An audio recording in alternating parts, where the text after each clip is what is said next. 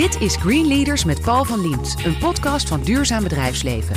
Het businessplatform voor succesvol duurzaam ondernemen. Wekelijks hoor je hier een Green Leader die de economie vernieuwt, verandert en verduurzaamt.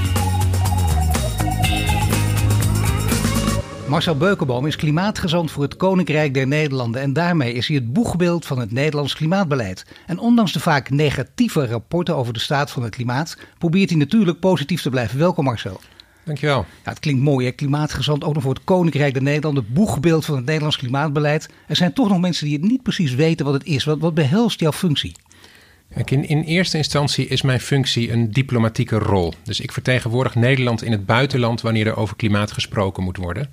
Uh, maar omdat wij internationaal best veel afspraken maken op dit vlak, vind ik dat ik ook een taak heb in het uh, uitleggen van die internationale afspraken in Nederland. Dus hij werkt eigenlijk twee kanten op deze rol. Maar het uitleggen, dat klinkt, eh, dan denk ik, dan denk ik aan bedompte zaaltjes. Toen we daar nog allemaal naartoe konden, dat is nu wat lastiger natuurlijk.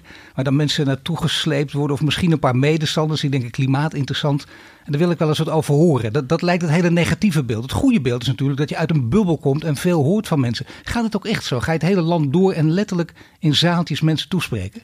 Jazeker. Ik, uh, ik heb wel eens becijferd dat ik uh, per jaar meer dan 10.000 mensen rechtstreeks spreek in Zo. dat soort zaaltjes. En uh, dat, dat zijn gelukkig niet altijd bedompte zaaltjes. Nee. Dat zijn ook gemeenteraadszalen, dat zijn zalen van, van bedrijven.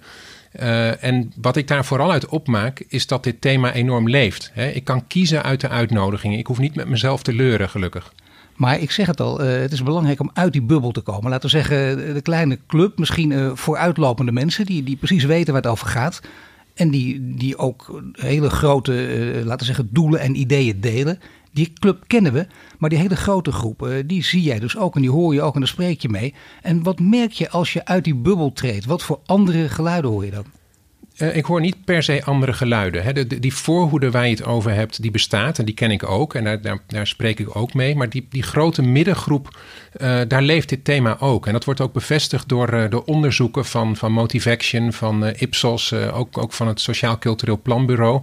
Er is een, een grote onderstroom in Nederland van misschien wel 60, 70 procent van de mensen die dit een belangrijk thema vinden. en die er ook best zelf de handen voor uit de mouwen willen steken. Ja, ik vind het echt zo dat je onderbreekt, maar het is heel interessant. Hè? Want we krijgen het beeld van, je hebt het ene beeld, laten we zeggen de traditionele media. Je hebt de voorhoede, je hebt de social media en heel veel polarisatie, heel veel ruzie.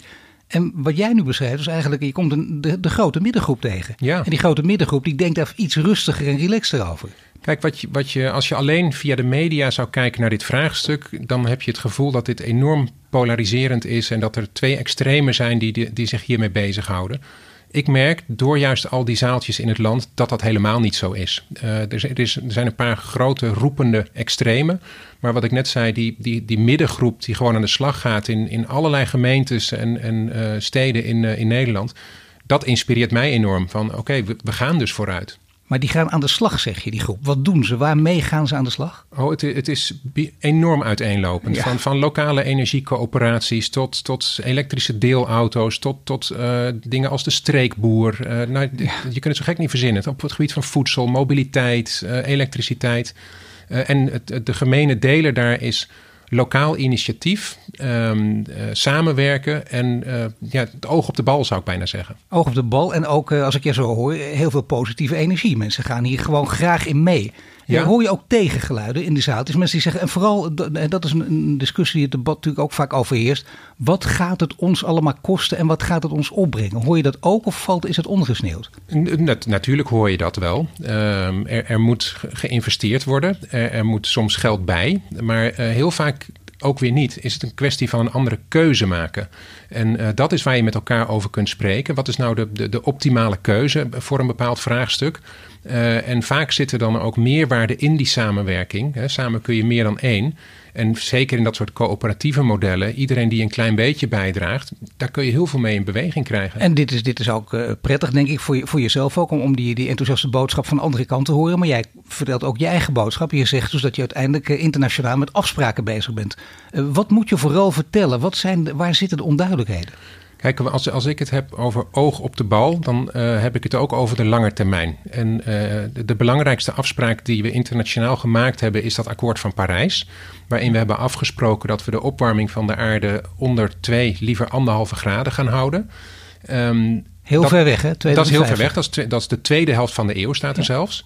Um, maar als ik dan heb over de bal, dan gaat het over de, de, de uitstootkant. Dus de, de uitstoot van broeikasgassen. Dus um, je hoeft de letter van die uh, afspraken niet per se te kennen. Als je dat ene simpele principe maar toepast op waar je zelf mee bezig bent.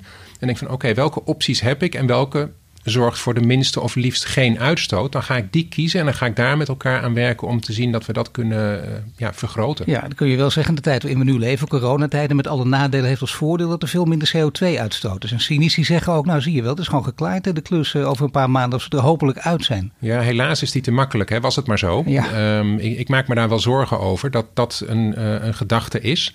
Uh, als je internationaal naar de cijfers kijkt, zie je vooral dat landen die door de, zeker na die eerste golf, daar doorheen waren, dat die met extra veel energie de, de, energie, de, de industrie weer gingen opstarten.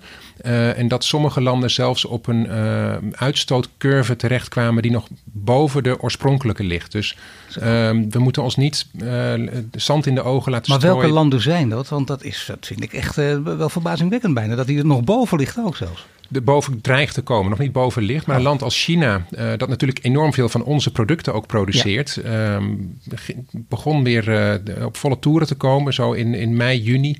En ja, daar zag je dus dat de, de uitstootcijfers weer heel snel aantrokken.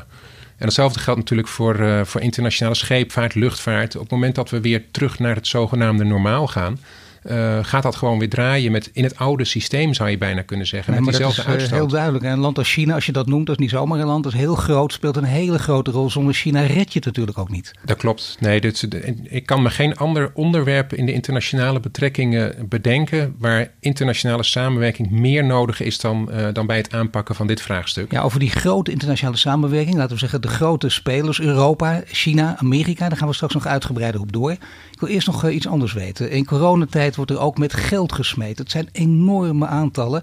En altijd moet je na de komma ook toevoegen: nog nooit is er zoveel geld uh, neergelegd als na de Tweede Wereldoorlog. Daar worden al die uh, getallen terecht ook mee vergeleken.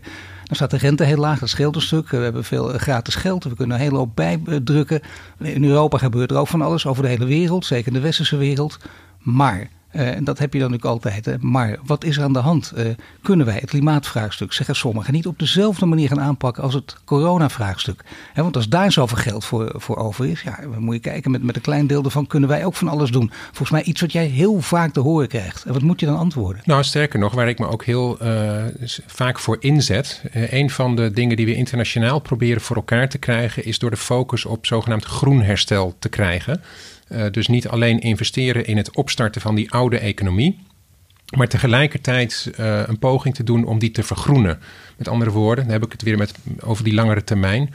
Door te kijken of je kan koersen op, uh, op veranderingen die bijdragen aan het realiseren van die, die langetermijn doelen. En gelukkig pikken steeds meer internationale leiders dat ook op. Hè, van van de, de baas van het IMF en de Wereldbank tot de Europese Centrale Bank, de, de, de, de secretaris-generaal van de VN. Allemaal zeggen die laat deze kans niet lopen. Als je zoveel geld gaat investeren, doe het dan goed en kies de, de, de meest groene optie. Maar gaan uh, bedrijven daar ook in mee? Grote bedrijven, de multinationals?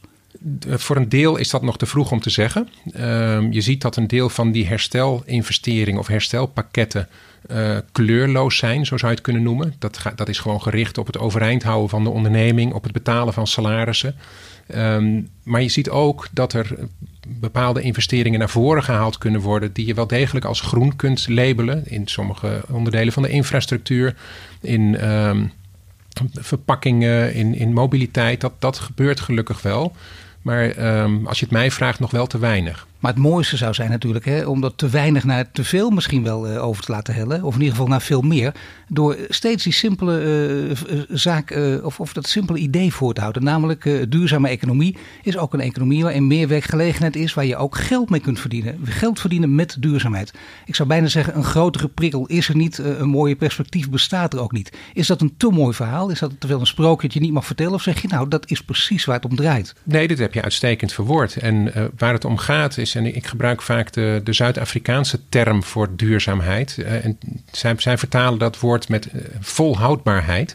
En dat is natuurlijk dat is eigenlijk ook een economische term. Hè? Dus, dus ook, als je uh, leider in een bedrijf bent, uh, jij wil dat jouw onderneming er over 10, 20, 30 jaar ook nog is. Dus je zult moeten nadenken over waar komen mijn grondstoffen vandaan? Uh, hoe gedragen mijn consumenten zich over 10, 20 jaar?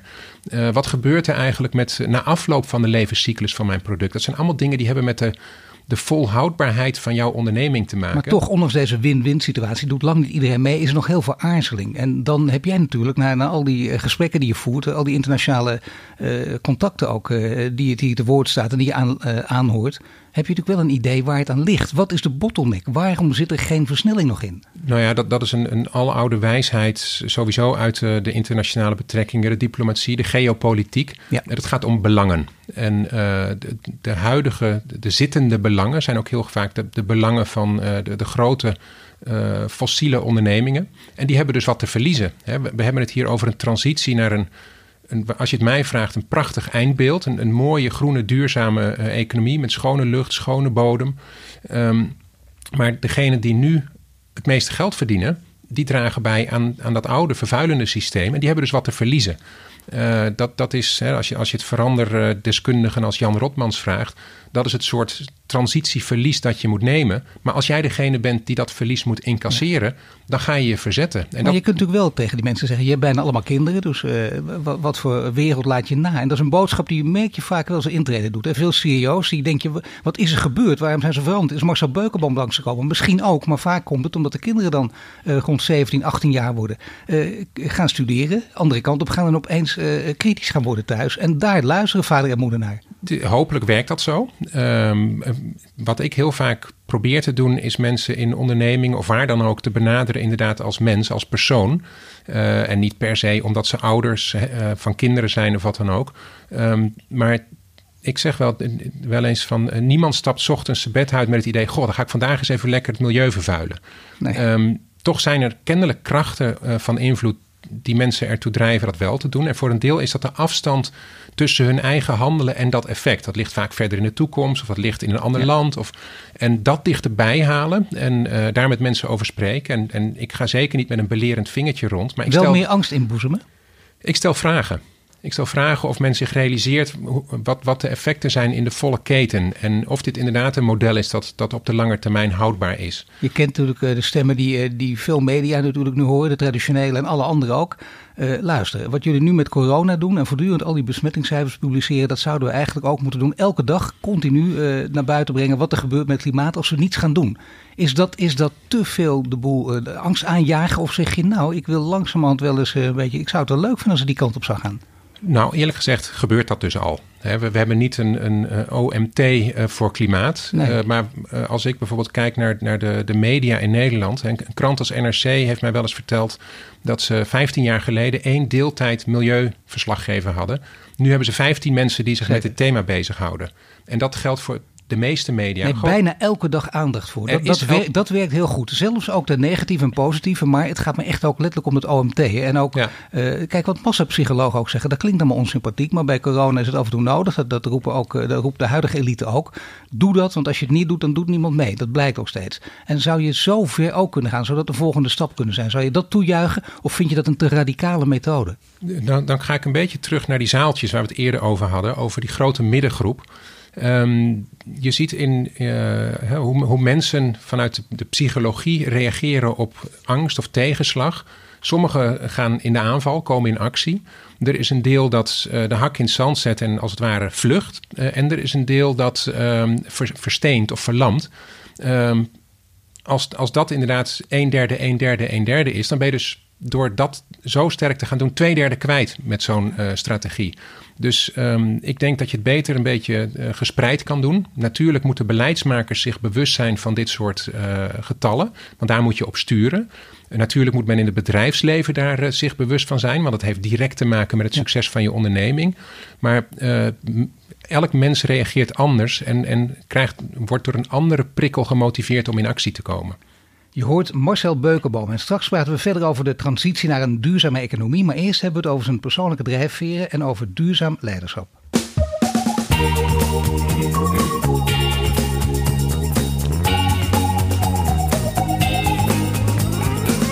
Bij mij in de studio Marcel Beukenboom. Net spraken we over de invloed van corona op het klimaatdebat. En nu praten we verder over het belang van leiderschap. We gaan natuurlijk over leiderschap hebben, maar ook even over de, de persoonlijke motivatie van Marcel Beukenboom. Want jij zegt, ik spreek mensen als persoon aan, dus ze kunnen jou ook als persoon aanspreken.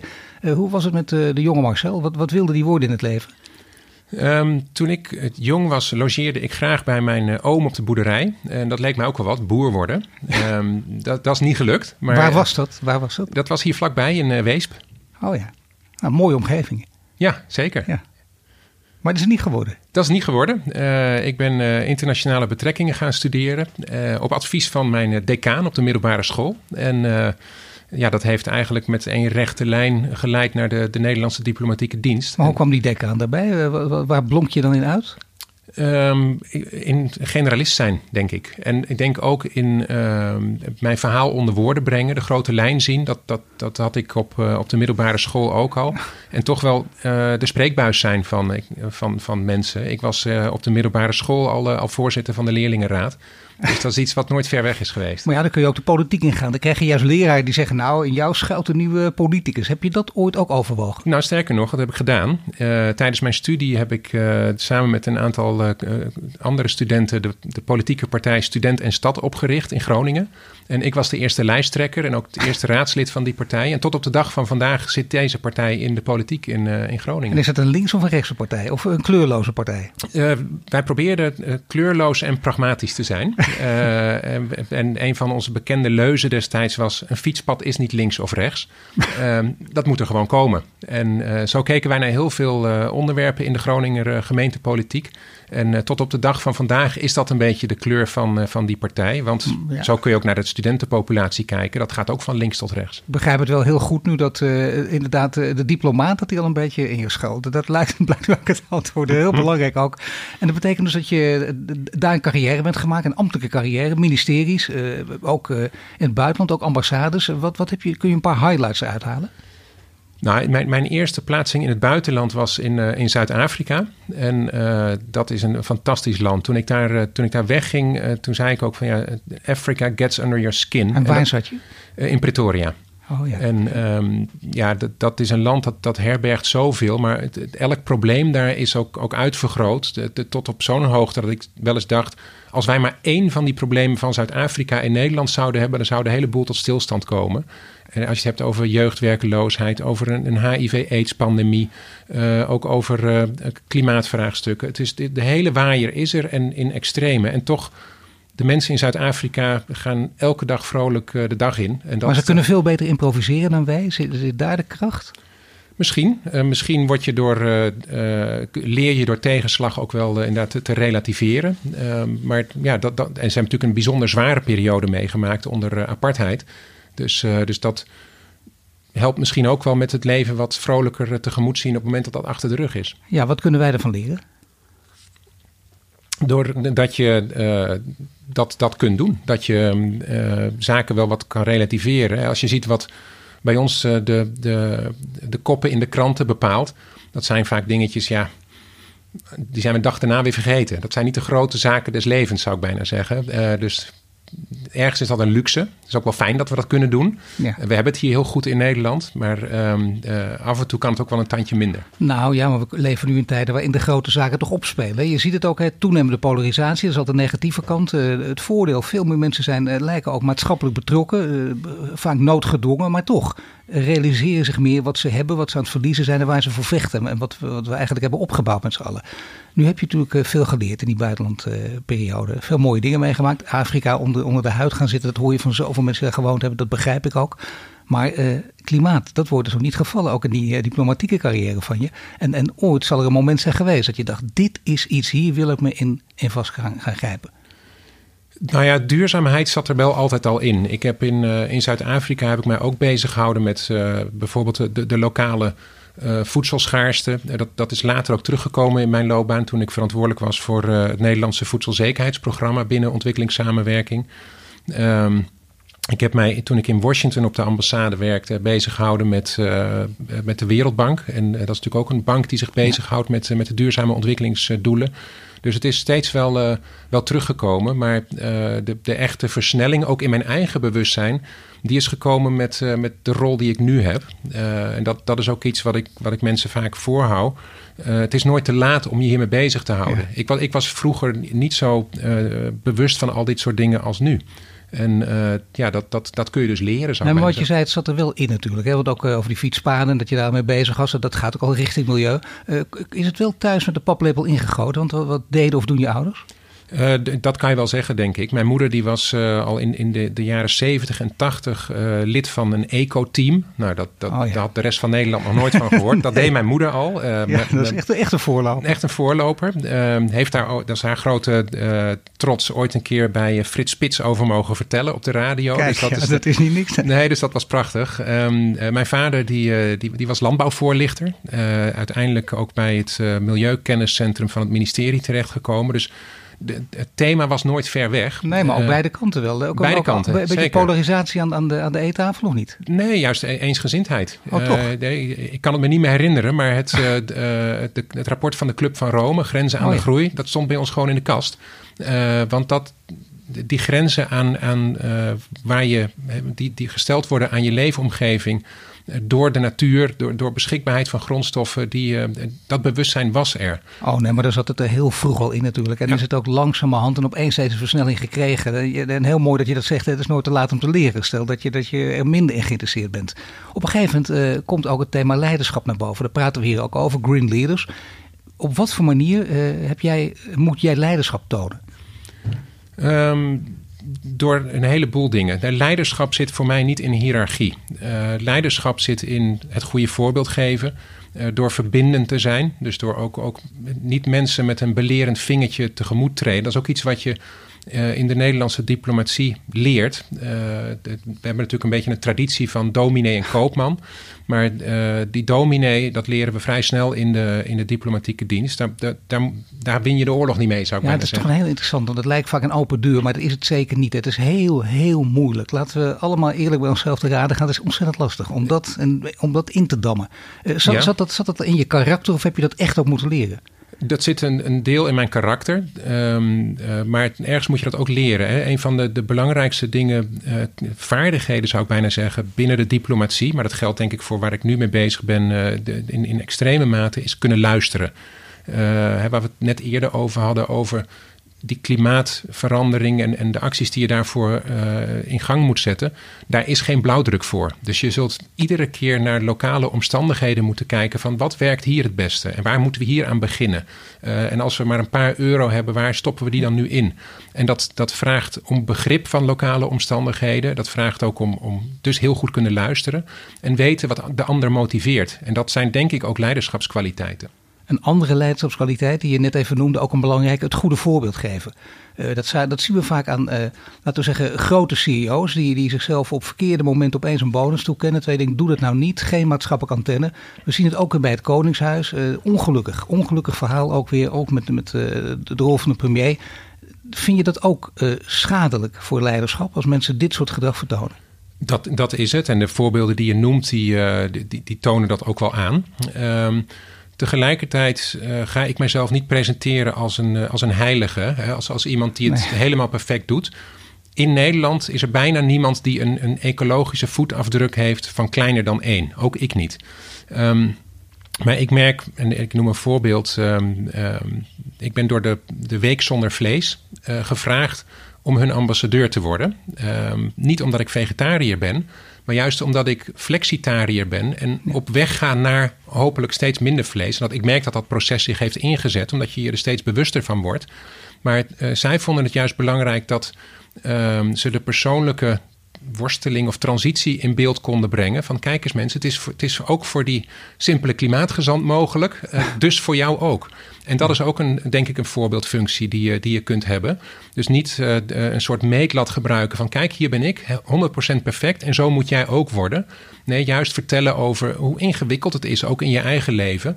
Al hebben wij gelukkig thuis steeds meer voorbeelden van, van duurzaam gedrag um, waar we wel in slagen, maar we zijn er nog lang niet. En dan heb je natuurlijk ook in deze, laten we zeggen, toch uh, lastige tijden, roerige tijden, uh, ook leiders nodig. Sterke leiders, misschien minder sterke leiders. Dus hangt er vanaf wat je, wat je onder sterk verstaat. Maar in ieder geval leiders die ons bij de hand grijpen. Leiders die verhalen vertellen. Leiders met een visie. Dat hoor je de laatste tijd opkomen. Dat zie je, dat is helemaal niet zo gek ook. Hè? Om de tien jaar een nieuw type leider. Als jij met je internationale contacten om je heen kijkt. Wat voor leiders hebben we nu nodig? Laten we zeggen in de westerse wereld, waar we dichtst bij staan. Nou ja, als je uh, de hele wereld over uh, kijkt, dan iemand die enorm inspireert is uh, premier Ardern in Nieuw-Zeeland. Ja. Um, en wat doet zij goed? Zij, zij verbindt, zij luistert, zij staat boven de partijen. Zelfs als zij een absolute meerderheid haalt in verkiezingen, doet ze nog een, een handreiking naar de oppositie. En ik denk dat dat het soort van leiderschap is dat we nodig hebben. We zien als we de wereld rondkijken ook de exacte tegenpool. Ik hoef geen namen te noemen, denk ik. Nou, je mag namen noemen. Nou, kijk, kijk, kijk naar, ons, naar het land waar ik zelf uh, vier jaar gezeten heb, in, uh, in de Verenigde Staten. Ja. Daar viert polarisatie natuurlijk hoogtij. Het hele systeem is doordrenkt van uh, die tweedeling. En je merkt dat dat het land niet verder brengt. Ja, je ziet wel dat dat uh, vaak een voorbode is van wat in Amerika gebeurt, gebeurt later in Europa. En dat is een soort sprookje dat lang niet altijd opgaat, maar vaak wel. En we zien hier natuurlijk ook uh, tekenen aan de wand. Denk je dat we eerder die kant op gaan of gaan we, gaan we toch kijken naar, dat, uh, naar, zeggen wat er in Nieuw-Zeeland gebeurt? Nou ja, als, als, als diplomaat heb ik ook geleerd om de, de, glazen bol thuis te laten. Um, maar ik zie als ik naar Europa kijk, inderdaad beide ontwikkelingen. Ik zie in, in bijvoorbeeld een land als Finland ook um, een regering ontstaan die, na de laatste verkiezingen, die uh, juist ook op die verbinding en samenwerking is gericht. Heel groen. Toevallig, of misschien niet toevallig, ook uh, bestaande voor meer dan de helft uit jonge vrouwen. Um, IJsland? De IJsland, um, uh, maar, maar ook dichter bij ons in de buurt, Duitsland. Dus, dus er, er zijn echt voorbeelden waar, um, uh, waar het wel degelijk de goede kant op gaat, zou ik zeggen. Um, maar je kan nooit in slaap sukkelen. Aan het woord is Marcel Beukenboom. Maar net spraken we over zijn drijfveren en duurzaam leiderschap. En straks praten we verder over de rol die Nederland kan spelen bij de transitie naar een duurzame wereldeconomie.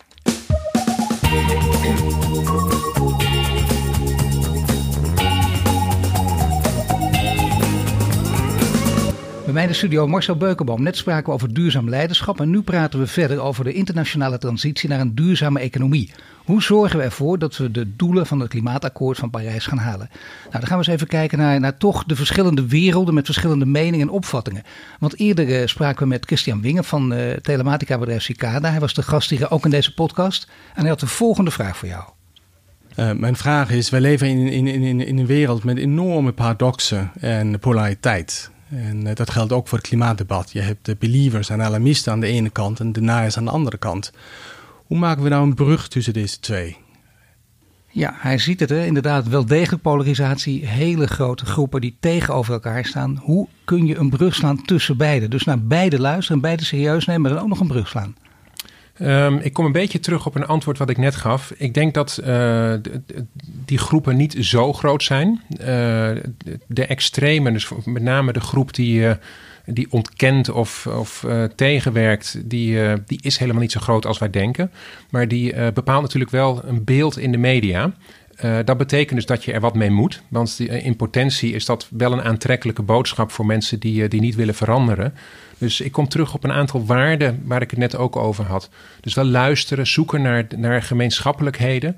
En als bijvoorbeeld de term klimaat als een rode lap werkt, ja. dan moet je die niet gebruiken. Hè, dan kun je het ook hebben over een, een nieuw uh, vorm van energie die bijvoorbeeld goedkoper is of schoner. Of Innovatie, nieuwe technologie, nieuwe wereld. Er zijn heel veel andere termen. Dat is een heel interessante. Ja. En niet voortdurend het woord duurzaamheid het doorrammen. En wat je zegt, heel belangrijk, de dominee thuis laten. Ja, en, en dat is iets wat we internationaal ook gezien hebben. Uh, toen ik in... Uh, bij de klimaattop in Marrakesh was in 2016. Toen werd de, uh, Donald Trump verkozen. Dat, die verkiezingen vonden toen plaats.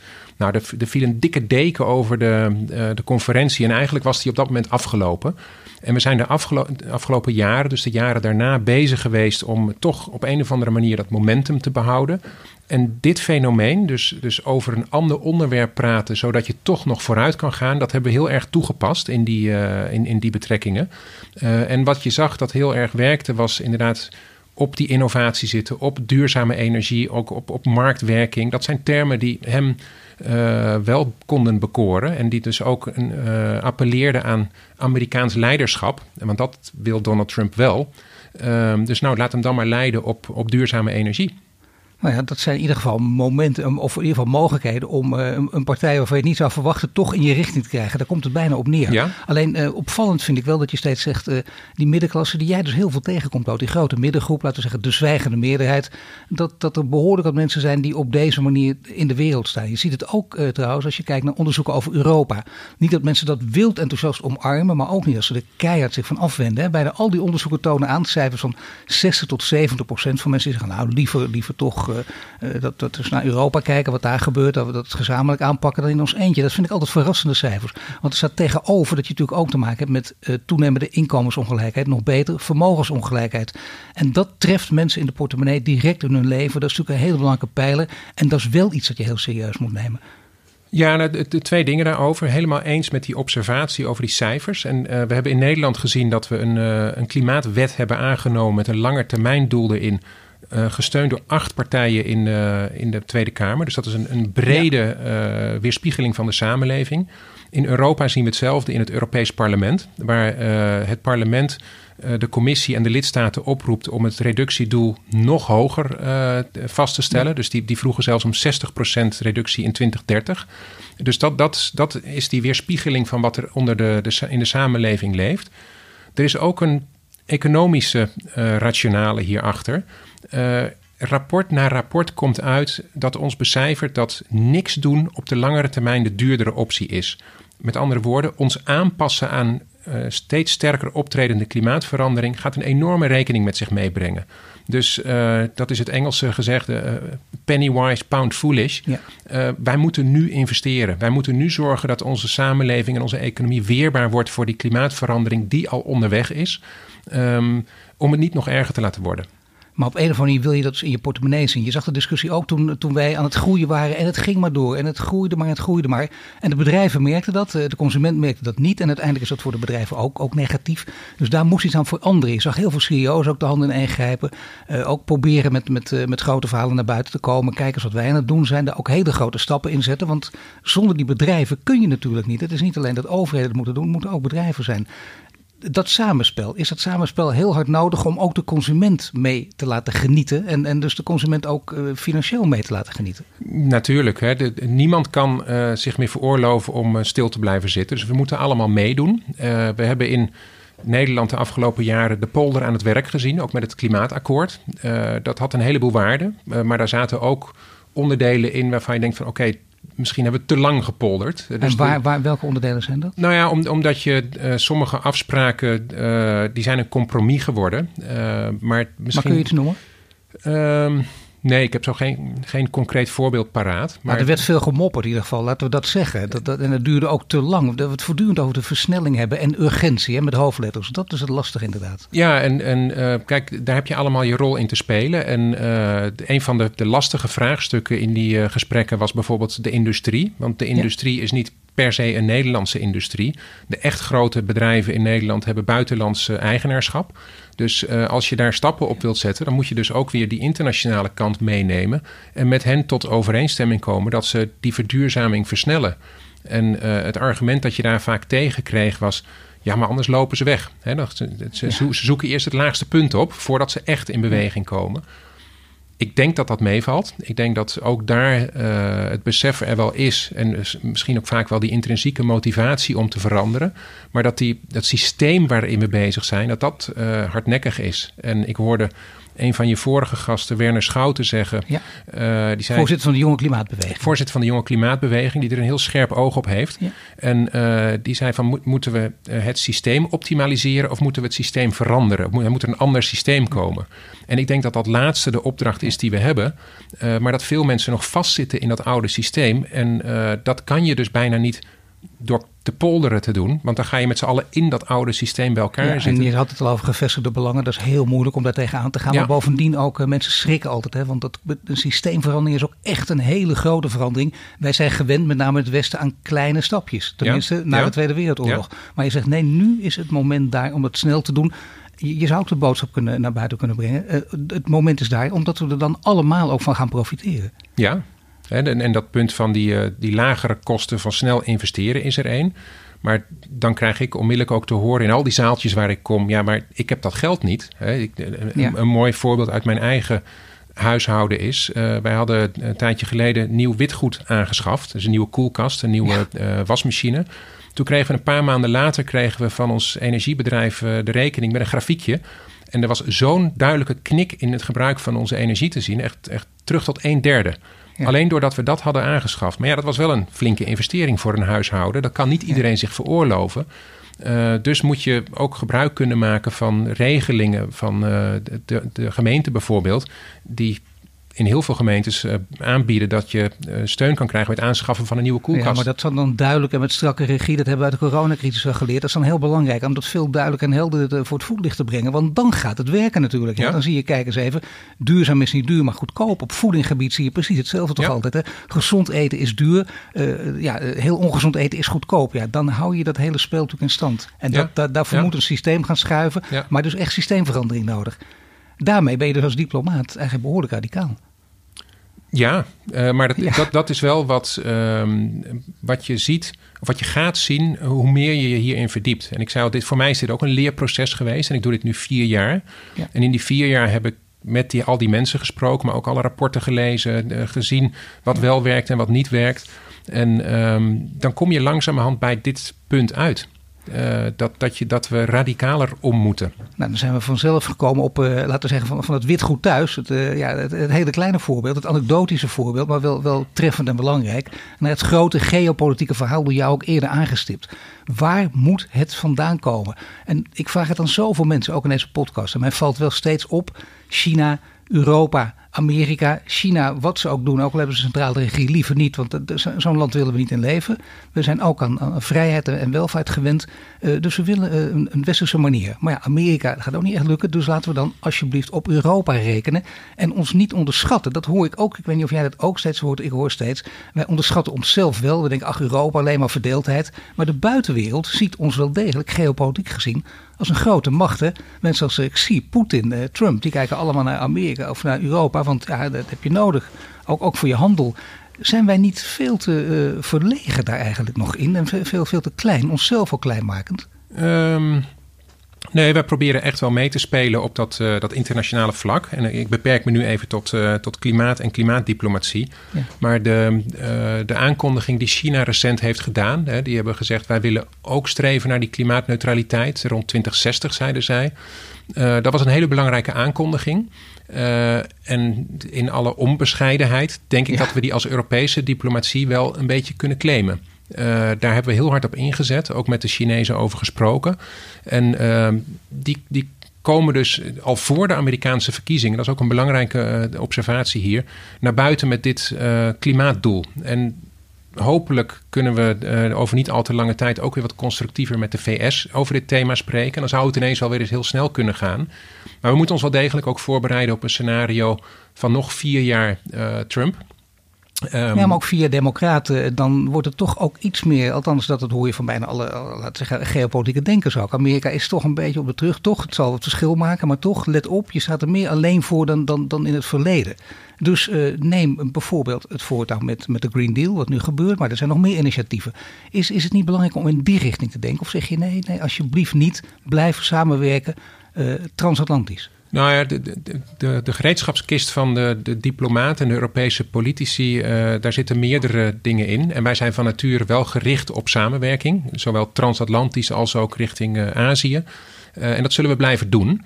Uh, maar we schuwen ook niet om daar wat stevigere gereedschappen uit te halen. En een heel mooi voorbeeld op het gebied van klimaat en energie is die, uh, uh, dat, dat Carbon Border Adjustment Mechanism. Ja. Dat is een, een, gre een, grensbelasting op vervuilende producten. en ook al is die er nog niet, we merken al dat die zijn schaduw vooruit werpt. zowel in de private sector als ook bij bijvoorbeeld de Chinezen. en dat is alleen al het aankondigen van zoiets, het feit dat wij zeggen we gaan verder met die vergroening in Europa, werpt zijn schaduw vooruit. En uh, merk je dus aan dat de anderen in actie komen. Ondertussen zullen misschien ook mensen die nu luisteren denken: mag, wacht even, allemaal hele mooie ideeën, geweldige visies ook, maar het geld moet verdiend worden. En dat komt alleen maar van de bedrijven, ook de grote bedrijven.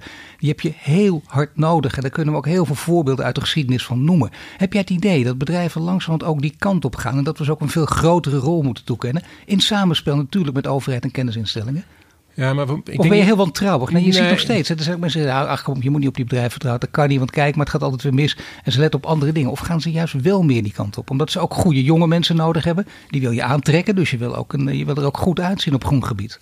Ik denk niet dat we eh, moeten doen alsof dit de eerste transitie is. We hadden, vroeger hadden we een, eh, een, een heel succesvolle textielindustrie in Twente. Nou, als die nog zo hadden geproduceerd als 50 jaar geleden, dan hadden we daar echt alleen nog de plaggenhutjes gehad, bij wijze van spreken. Die hebben gezien wat er in de wereld om hen heen gebeurde. En ze konden niet concurreren met lage lonen. Eh, Dus moest er iets anders gebeuren. Innoveren, hoogwaardige producten, diensten. Dat is hoe Nederland en in toenemende mate Europa in elkaar zit. Eh, voorop blijven lopen, innoveren. Eh, en dat geldt bij uitstek ook voor deze transitie. Daar zitten kansen in. En dat, dat denk ik dat Nederland en Europa in zich heeft om daar voorloper in te zijn. En dat zien we ook al op, op een heleboel terreinen. Dat zien we overigens ook in staten als Californië, waar, waar dat denken ook wel degelijk erin zit. Ehm, dus we moeten ook niet helemaal zwart-wit neerzetten. Maar er zijn dus kansen in die transitie. In de- gewoon de volgende transitie zou je kunnen zeggen. Net zoals dat er digitalisering een, een uitdaging is. En daar moet je op inspelen. Je kan niet achterover gaan zitten en denken... het procedé wat ik in 1960 bedacht heb... eh, is voor de eeuwigheid. En dan is er nog één eh, hete aardappel die opeens eh, boven komt drijven. Eh, heel lang werd er niet gesproken over kernenergie, later wel. Er wordt er gekeken naar het grote Europa. Hè. Dan heb ik het over Duitsland en Frankrijk. Dan kijken we naar wat Angela Merkel doet. We kijken naar wat, Macron doet. En die zet vol in, nou niet vol, maar die zet stevig in op kernenergie. Vindt het nog steeds belangrijker. Zegt ook, in, en dat zegt hij natuurlijk, en, en, daar gaat het om. Er is een grote discussie over. Hoe sta jij erin? Kernenergie is vanuit klimaatperspectief een eh, prachtige vorm van energie. Want die is eh, uitstootarm. Dus eh, dat, dat is hartstikke mooi. Alleen Maar het afvallen. Het afval, ja. Ja. Dus, dus, en ik denk dat we dat ook niet moeten onderschatten. De kosten. Ehm, dus op dit moment, en dat, dat zegt eh, deze regering ook... ehm, het, luik staat open. Je kan gewoon een aanvraag indienen om een kerncentrale te bouwen in, eh, in Nederland. Maar de afgelopen 40 jaar heeft niemand dat gedaan. Dus kennelijk is het, eh, het, het businessmodel niet rendabel. En dat blijkt ook wel uit bijvoorbeeld een, een grote centrale die nu in Engeland gebouwd wordt, Hinkley Point. Die voor 25 jaar heeft de overheid zich daar vastgelegd om het verschil tussen de, de marktprijs en die kernenergie eh, te betalen. En dat, dat loopt in de tientallen miljarden. Dus eh, en moet je dat als samenleving eh, op je willen nemen? Want uiteindelijk gaat het om publiek geld. Je bent klimaatgezant. je hebt flink om je heen gekeken, veel gelezen, veel met mensen gesproken. Ook heel veel geluisterd. Dat blijkt ook weer uit dit gesprek. waardoor je een bepaalde richting op bent gegaan. Deze richting zul je koesteren. Dat, dat, dat blijkt uit alles ook wat je vertelt. Maar hoe lang wil je ook nog klimaatgezant blijven? Nou, al, zou ik het nog heel lang willen. eh, ik zit in de diplomatieke dienst. En de diplomatieke dienst werkt met rotatie. Dus eh, om, om de vier, vijf jaar moet je naar iets anders toe. Eh, en dat, dat eindpunt is voor mij aanstaande. Dus ik moet volgend jaar moet ik, op zoek naar iets anders. En wat, wat is, wanneer is voor jou geslaagd? Als je zegt, nou ik ga volgend jaar weg en heb ik iets geweldigs neergezet. Ehm, ik hoop dat ik heb kunnen bijdragen aan, eh, aan het denken over eh, klimaatverandering. En ook, ook klimaat en duurzaamheid als kader waarin je al je andere werk doet. Dus eh, ik ben heel veel voor de schermen bezig, maar net zoveel achter de schermen. En ik probeer ook mijn collega's mee te nemen in dat denken. En dat het dus niet alleen iets is voor de, de groene directie van het ministerie, maar dat het ook gaat over handel. Het gaat ook over politiek, over mensenrechten, over sociale ontwikkeling. Allemaal kun je deze bril opzetten, zou ik zeggen. Eh, en ik heb geprobeerd om mensen daarop te, mee te nemen en te inspireren. En daar, daar zijn allerlei voorbeelden van dat dat soms lukt en soms niet zo goed lukt. Maar je zit er nu zo goed in. Je weet al zoveel hiervan nu. Je bent er steeds meer over te weten gekomen. Ik kan me niet voorstellen dat je, dat je iets in een heel andere richting gaat doen. Of wil je dat juist wel? Of denk je, ik, ik heb al ongeveer... Je hoeft er die prijs te geven. Liever wel natuurlijk. Maar wat je gaat doen hierna. Ik weet het nog niet. Hè? Dus, dus dit, dit Maar wel soort- iets met klimaat. Nou, ik heb ook wel eens gezegd, uh, als je hier eenmaal uh, mee bezig bent geweest, kom je er nooit meer vanaf. Uh, dus dit, dit denken, dat, dat neem ik mee in welke andere plek ook. Dat blijft toch ook het thema voor de komende decennia? Nou ja, en dat, dus daarom zal ik ermee bezig blijven. ik probeer ook als ik bij de, de, beroepsvereniging voor accountants langs ga, dat heb ik gedaan op hun jaarcongres, ja. gezegd, dit is een thema dat voor jullie relevant is. Dit moeten jullie meenemen in je werk. en dat geldt, ik heb ook eens een keer een, een zaal vol studenten uitgedaagd allerlei uh, studierichtingen en uit allerlei landen. Noem mij een beroep waar je niet met klimaatverandering te maken zult krijgen. Nou, ze gingen de uitdaging aan, maar ik kon bij alle, alle voorgestelde uh, beroepen kon ik een link vinden. En ik denk dat dat ook is wat er aan de hand is. En wat was het bij de accountants? De accountant moet in zijn, uh, de plek die hij heeft aan tafel in de bestuurskamer zeggen van als wij die langere termijn bedreiging van klimaatverandering niet meenemen, gaat dat een bedreiging vormen voor ook de volhoudbaarheid van onze organisatie. Dus daar moeten we nu al, dat moeten we ook in de, in de jaarrekening terug kunnen zien. Hè? Groen of duurzaamheid is niet iets voor de annex van ons jaarverslag. Dat moet in de kern terugkomen. En dat is een taak die een accountant bij uitstek kan, uh, op zich kan nemen. Dus hoe dan ook op naar een uh, klimaattransformatie en ook naar een baantransformatie, maar dan voor jou persoonlijk. Uh, Marcel Beukenboom, hartelijk dank. Klimaatgezant vooralsnog. En je luistert naar een podcast van Duurzaam Bedrijfsleven. Mede mogelijk gemaakt door onze partners Ebbingen en Hill en Nolten. En volgende week zijn we terug met een nieuwe podcast. Dit was de Green Leaders podcast voor deze week. Volg onze website voor meer nieuws over succesvol duurzaam ondernemen. Wil je meer afleveringen luisteren? Abonneer je dan nu via iTunes of Spotify en krijg een melding wanneer er een nieuwe podcast online staat.